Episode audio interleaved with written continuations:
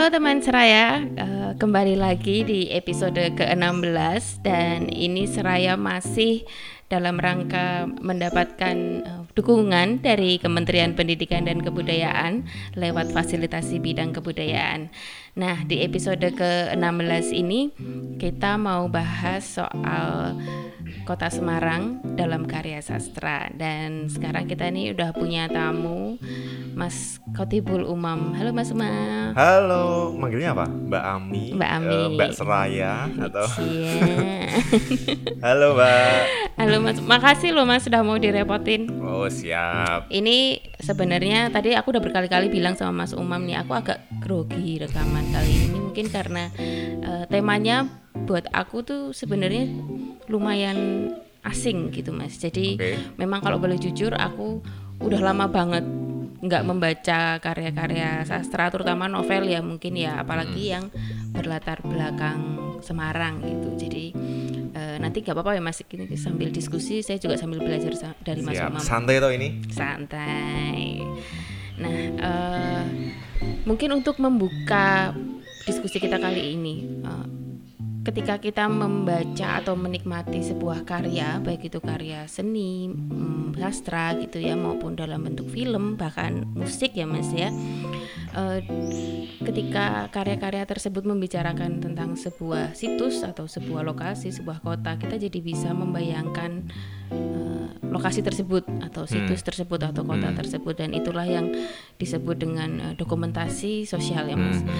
Nah, eh, kali ini kita mau mengulik lebih dalam lagi, khususnya mengenai bagaimana sih kota Semarang itu direpresentasikan dalam karya-karya tersebut, khususnya karya sastra bersama Mas Umam. Tapi ini mungkin jadi nggak terbatas ya, Mas. ya. Tadi dari perbincangan awal kita sebelumnya kok jadi menarik kalau kita membahas karya-karya yang lain dan nggak terbatas hanya pada karya sastra gitu. Nah, eh, dalam beberapa karya sastra yang pernah Mas Umam baca, tentunya banyak ya, Mas. yang berlatar belakang Semarang nih. Bagaimana sih Mas kota ini eh, digambarkan gitu dan apakah menurut Mas Umam tuh eh, kota Semarang sudah cukup banyak direpresentasikan dalam karya-karya sastra? Oke. Uh, pertanyaan pertama aja banyak banget ya. Ya, sekalian biar aku nggak nanya lagi. ini pertanyaannya rapelan. Oke, baik. Eh pertama adalah karya seni itu menjadi penting dan sangat berguna. Salah satunya yang sudah disebutkan tadi adalah sebagai sebuah dokumentasi sosial tentu saja. Jadi nggak hanya karya sastra seperti lagu, eh, musik tentu saja, terus film, Hmm, karya sastra termasuk. Terus mungkin ada eh, selain film mungkin pertunjukan eh, seni rupa fotografi dan lain sebagainya itu adalah salah satu fungsi karya seni sebagai dokumentasi sosial. Kalau tadi perbincangan sebelum ini kan dokumentasi sosial itu macam-macam. Nggak hanya kota namun juga segala perilaku tindak tanduk eh, manusia yang ada di eh, zaman era atau tempat tertentu tentu saja. Kalau tadi kan saya mencontohkan bagaimana sih kita kalau pengen tahu atau kepo persoalan gaya pacaran eh, remaja tahun 1920-an paling gampang adalah kalau kita eh, yang paling otentik kita membaca karya sastra yang diproduksi atau dibuat eh, pada tahun tersebut itu paling mudah. Ya. Nah, begitu juga eh, persoalan sebuah latar kota yang real ada eh, konteks ini adalah konteks Semarang, maka kalau kita mau cari tahu atau pengen tahu tentang Semarang itu eh, seperti apa sih di dalam karya sastra atau Semarang itu seperti apa sih eh, di tahun-tahun sebelum ini 80-an, 70-an, 60-an paling gampang adalah kita membaca karya sastra yang memakai latar eh, tempat Semarang dan di era tertentu. Kurang lebih seperti itu sih. Dan banyak penulis yang mencoba merepresentasikan Semarang dalam karya-karyanya, baik yang dulu-dulu Ya. yang mungkin penulisnya sudah meninggal almarhum baru saja dua tahun yang lalu ini penulis Semarang juga contoh lah eh, yang ini paling terkenal mungkin yaitu Enha Dini. Mhm. Enha Dini karena asli Semarang dan dia Enha Dini itu kan novel-novelnya itu kan agak semi autobiografis. Ya. Jadi eh, karena dia lahir di Semarang, berproses di Semarang, sempat melalang buana juga, dia banyak mm, menceritakan tentang Semarang karena itu menceritakan tentang dirinya sendiri. Tokoh-tokoh yang ada di novelnya Enha Dini itu kan eh, bisa disangkut pautkan dengan si aku, si Iya. aku pencerita dan si aku penulisnya itu eh, ada eh, apa namanya keterkaitan Mhm. itu Enha Dini. Penulis-penulis lain kalau yang ranah populer ke ini penulis lama tahun 70-an 80-an. Ini penulis cerita anak Mbak Ami. Namanya Bung Semas. Bung Semas Oh, ini, iya. nah, Bung Semas ini membuat cerita Kayak detektif gitu ya. iya, seperti Lima Sekawan, Iya. Trio Detektif dan lain Mm-mm, sebagainya. Itu berseri-seri.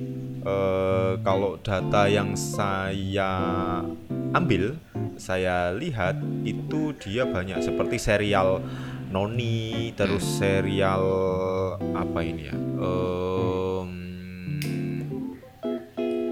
yang serial Pulung, ya itu semuanya ceritanya ada di Semarang. Eh, ada satu judul yaitu hmm, ini Eh, ini dari serial Noni Pragawati dari Krapyak. Nah, ini kalau mungkin konteks sekarang, kalau sekarang mungkin ngapain kok Krapyak? Krapyak iki opo sih? Iya, Gitu. iya, kok benar. dilebokke ning cerita, tapi ini beneran. Iya, iya. Ini Noni, ini serial Noni. Ini ada yang judulnya karya Bung Semas. Ini Noni yang seri ke-8 itu Pragawati dari Krapyak terbit tahun 85, 1985. Hmm. Berarti 35 tahun yang lalu. Ini luar biasa karena ceritanya si tokoh Noni ini menyelidiki kasus-kasus kriminal atau kejahatan itu yang nanti naik Daihatsu.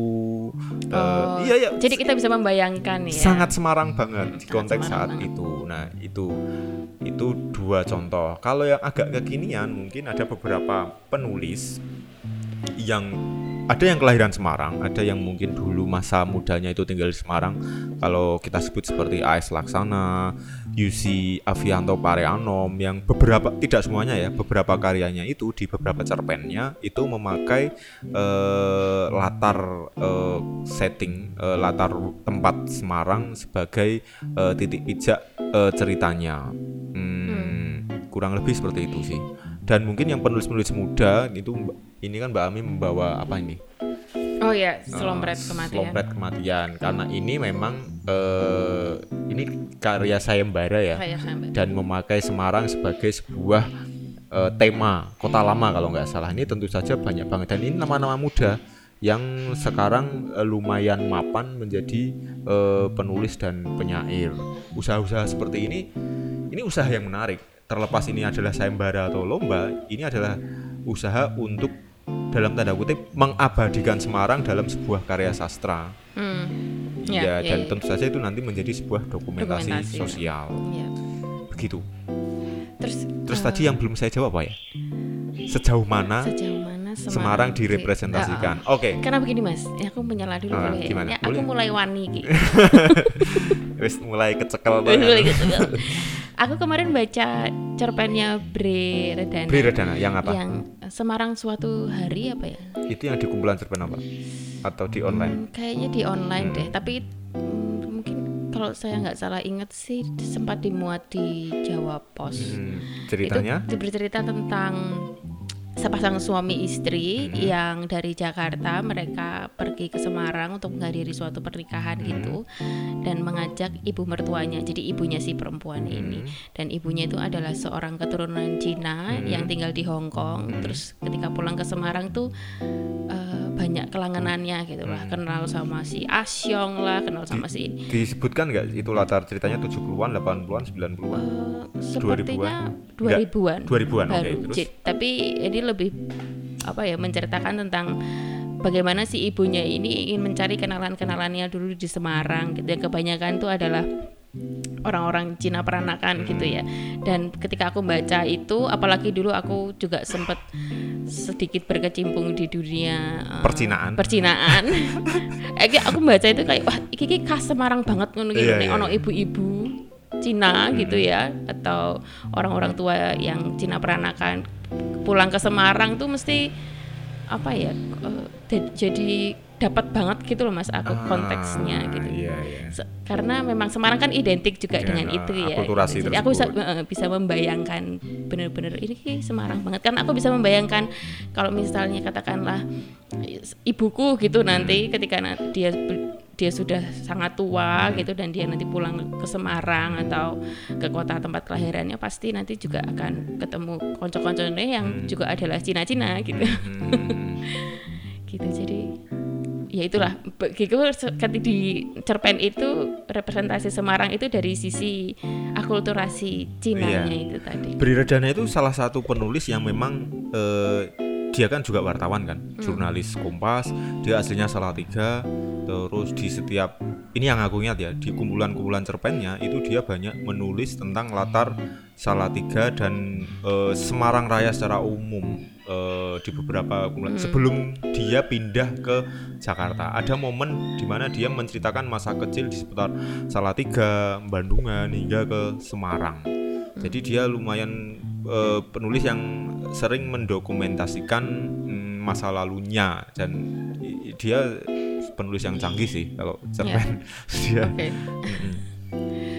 Terus apa lagi? terus tadi yang kalau menurut Mas Umam sendiri identitas Semarang apa sih yang kerap muncul gitu di Oke, ini menarik. Eh, kalau tentang cerita-ceritanya N Hadini jelas karena N Hadini itu menceritakan eh, tentang kondisi Semarang tahun 60-an 70-an sangat beda banget. Ini kalau kita baca lagi di cerpen-cerpen di Kampung Sekayu dan itu di novel ding sorry di Kampung Sekayu dan lain sebagainya itu Semarang kalau dibandingkan dengan kondisi eh, 50 tahun setelahnya yaitu sekarang 2010-an hingga 2020 itu sangat beda. Semarang kondisinya saat itu di novel-novelnya N Hadini Semarang itu masih terlihat asri ya. terus ya jelas tidak sepanas sekarang. Mungkin saat itu Semarang sudah panas namun tidak separah sekarang. Terus hmm, apa namanya eh, eh, sungainya masih jernih bening. Itu bahkan eh, di cerpen-cerpennya Yusi Avianto yang eh, eh, memakai latar waktu 80-an itu masih semenyenangkan itu Semen- semenyenangkan itu Eh, kalau N Hadini itu menceritakan tentang 60-an Yusi itu menceritakan eh, periode 80-an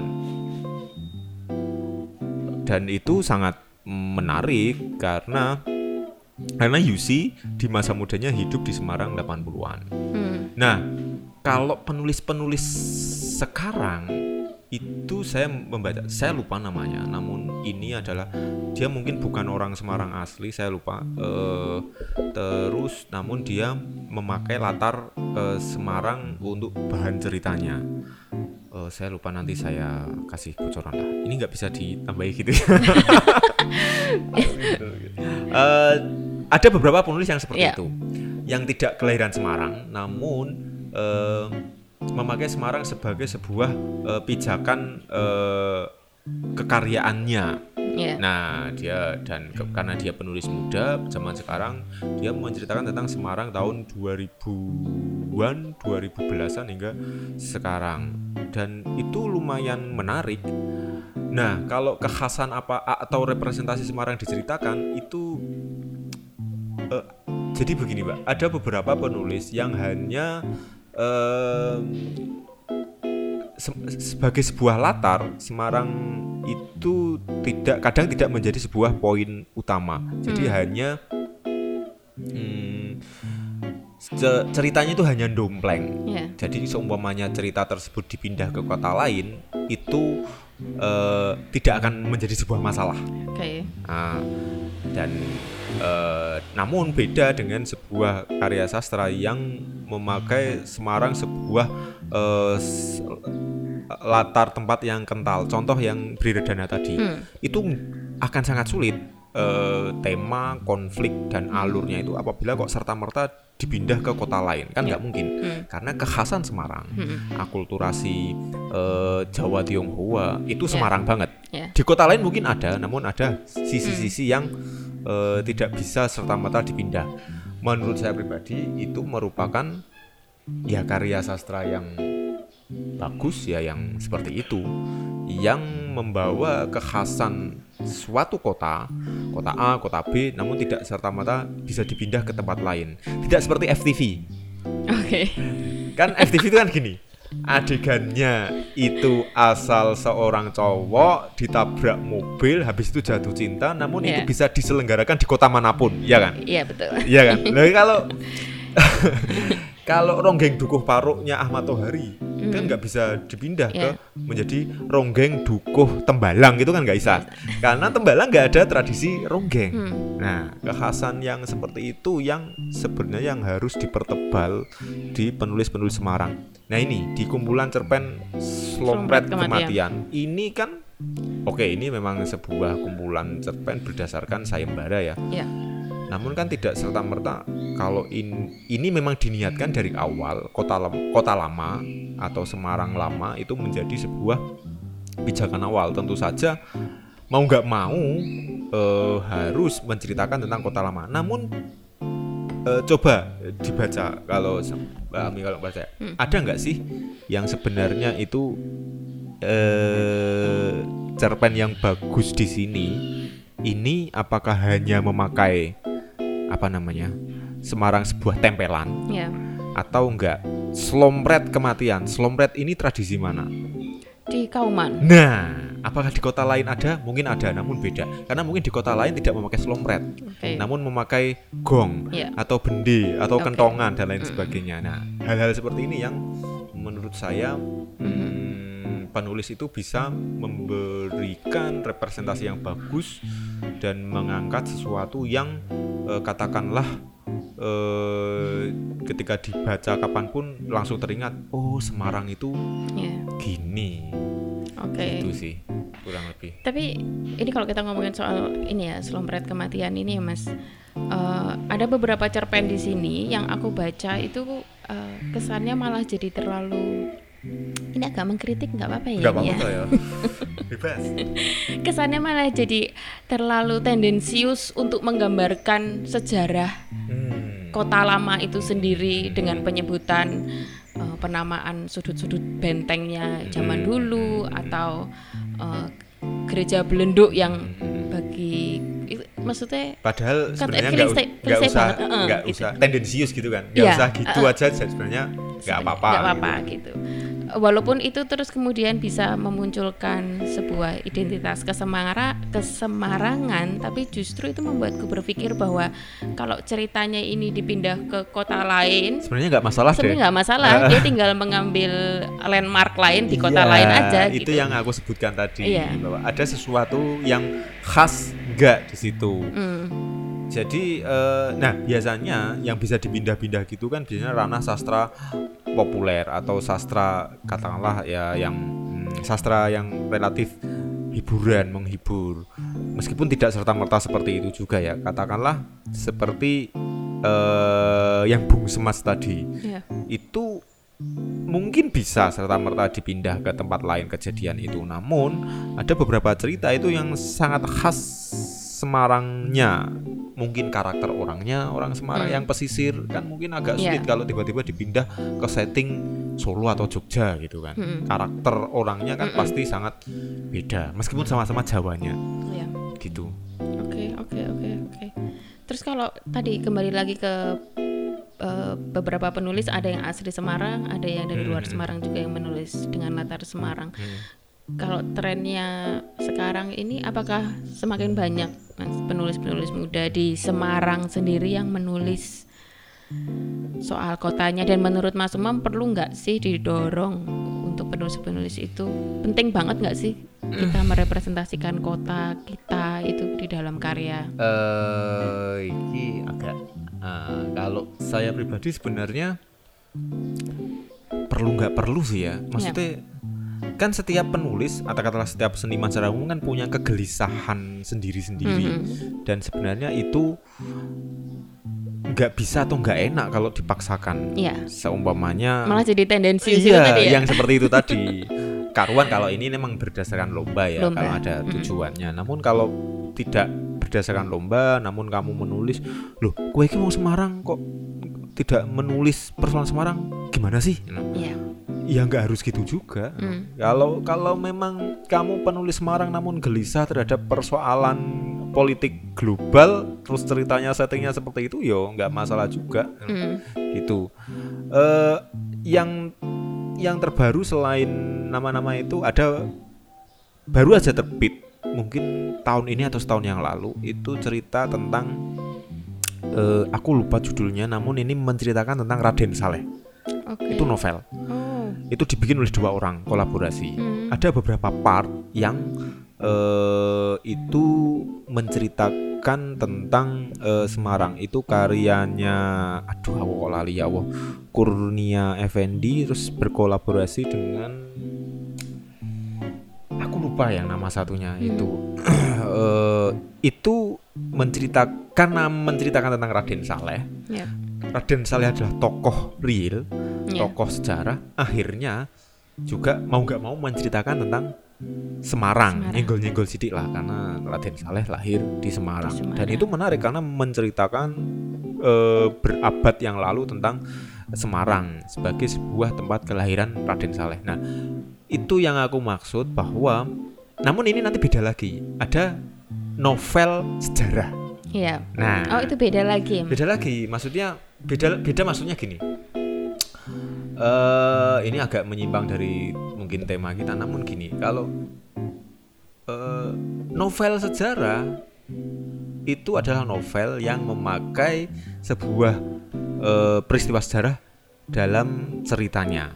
Namun banyak yang tersesat dan ini sempat anget beberapa waktu yang lalu ketika novel sejarah taruh kalau mau sebut nama yang menceritakan tentang Pangeran Diponegoro itu namun dianggap sebagai sebuah eh sumber rujukan sejarah. Seja- Nah, Oh, ini iya, ini iya, ini iya. agak eh, agak yang namanya novel karya Mhm. sastra itu ya fiktif, Iya. betul. cerita rekaan. Mm-mm. Jadi kalau itu diniati atau disikapi sebagai rujukan kebenaran faktual kesejarahan, maka itu salah. Oke, tapi tunggu. Tetap harus ada sebuah konsistensi terhadap fakta sejarah itu sendiri nggak? Seperti yang misalnya tadi aku sebutkan di kumpulan cerpen Selompet Kematian Hmm. ini, dia bercerita tentang seorang noni Belanda yang tinggal di Benteng Five Hook dulu itu Hmm. bersama ayahnya yang Hmm. adalah seorang letnan atau Hmm. jenderal gitu di Hmm. situ dan dia menyebutkan nama sudut-sudut benteng. Hmm. Itu Oh iya, untuk hal-hal seperti itu itu kan sampai urus- urusannya penulis. Oke. Dia memberikan efek nyata, nyata.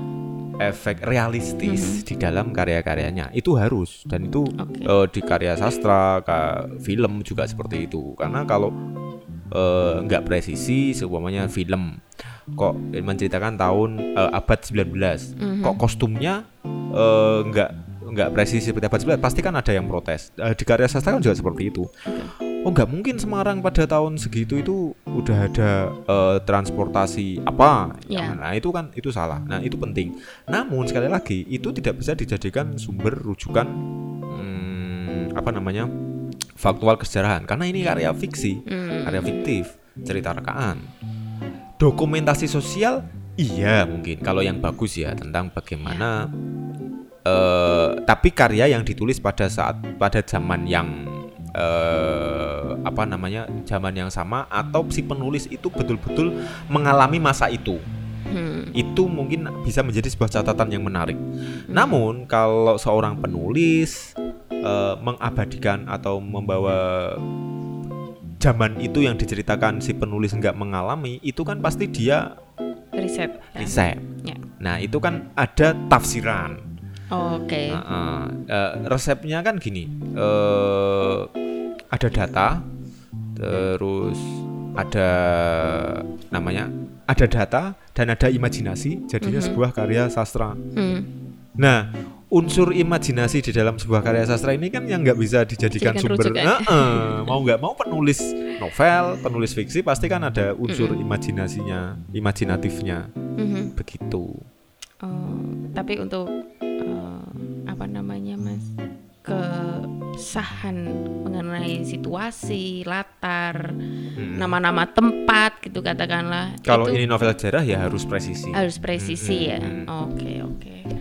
Terus kalau untuk bagaimana sebuah karya itu bisa menjadi kritik sosial itu menurut Mas Umam di masa sekarang ini gimana Mas urgensinya atau apakah ada pernah dulu Mas Umam baca misalnya eh, karya sastra tentang Semarang Mhm. yang di saat yang sama dia juga semacam bercerita tentang ini loh problematika masyarakat di kota Semarang ini tuh begini gitu.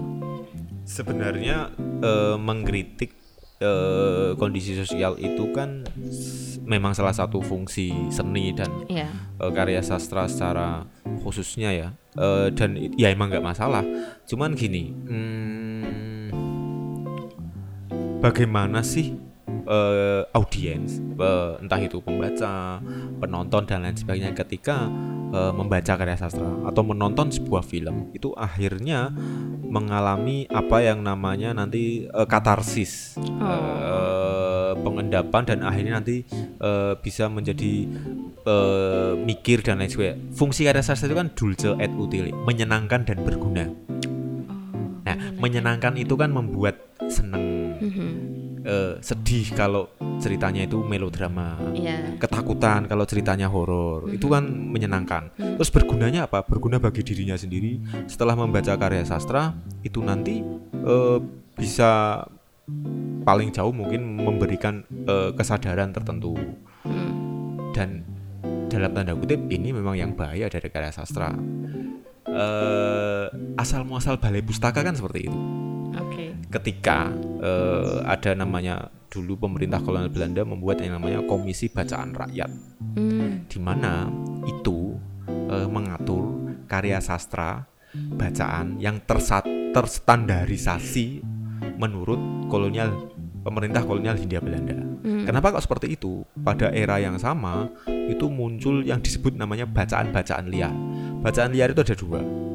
Eh, penulis yang sekaligus aktivis dan itu Semarang juga seperti Semaun dan Mas Hmm. Marco Kartodikromo dan lain sebagainya yang berafiliasi ke apa namanya Sarekat Islam Merah atau Partai Komunis nanti akhirnya. Terus yang kedua adalah karya-karya yang ditulis oleh eh, penulis-penulis eh, keturunan Tionghoa. Itu ada genre sendiri namanya kesusastraan Melayu Tionghoa. Oke. Dan itu luar biasa sumbangsihnya terhadap sebenarnya yang nantinya disebut dengan sastra Indonesia. Hmm. Ada peneliti Prancis namanya, ini kok malah melebar ke kan ya. Ada seorang peneliti Prancis namanya Claudine Salmon. Ya. Itu bahkan dia melis hmm, dari akhir abad 19 hingga pertengahan abad 20 itu ada 600 sekian penulis Melayu Tionghoa Wow. dan karya yang mencapai 3 ribuan. Hmm.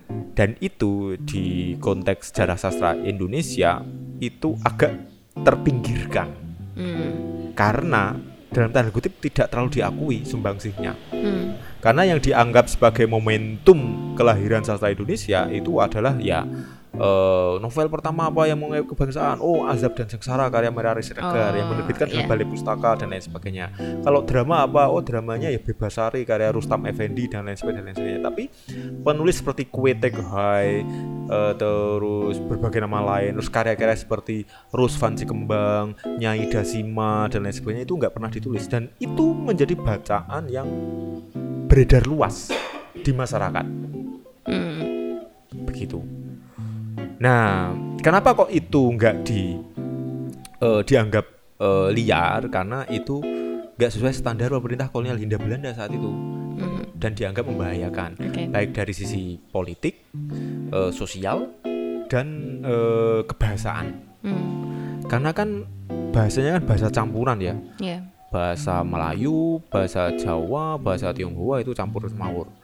Itulah kenapa akhirnya sastrawan-sastrawan Balai Pustaka itu banyak yang keturunan Minangkabau dan eh, Melayu Riau karena mereka yang punya modal bahasa Melayu yang paling mumpuni gitu loh. Iya iya iya. Itu terjadi Minangkabawisasi di awal-awal sastra Indonesia itu seperti itu.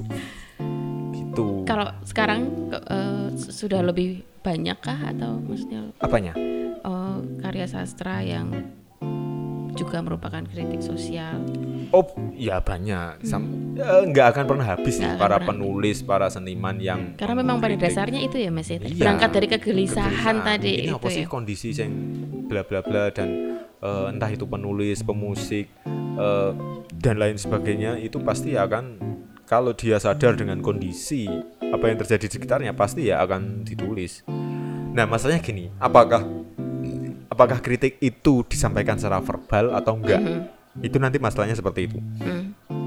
ada beberapa katakanlah puisi eh Rendra dulu pernah menulis potret pembangunan dalam puisi di mana eh, puisi-puisinya itu disampaikan dengan secara verbal tidak puitis terus Wiji Dukul yang Yep. memang sangat dalam tanda kutip sangat frontal emang estetikanya pilihannya seperti itu namun ada pula yang mengkritik dengan lebih eh, lirih Mhm. dalam artian eh, tidak frontal disampaikan dengan jalan menikung tidak langsung ke eh, dalam tanda kutip tidak seperti koar-koar gitu Iya. kan ada dan itu nggak masalah juga itu kan nanti pilihan dari si eh, penulis penyair sastrawannya Oke. gitu sih Itu. Lagi Ini kita sebenarnya udah mau sampai di penghujung diskusi kita Mas Hmm. Umam. Kalau eh, diskusi mengenai eh, sastra sendiri di Semarang sekarang ini cukup berkembang nggak Mas? Maksud forum-forum atau komunitas gitu. kalau beberapa waktu ini sa- kalau penulis pasti akan selalu ada ya. Namun sekarang itu saya mm, sangat mena- yang menurut saya menarik ini adalah mulai apa namanya muncul anak muda yang konsen eh, membuat penerbitan mandiri. Oke. Setidaknya saya m- aku mencatat itu dua atau tiga di setidaknya eh, setahun dua tahun ini muncul.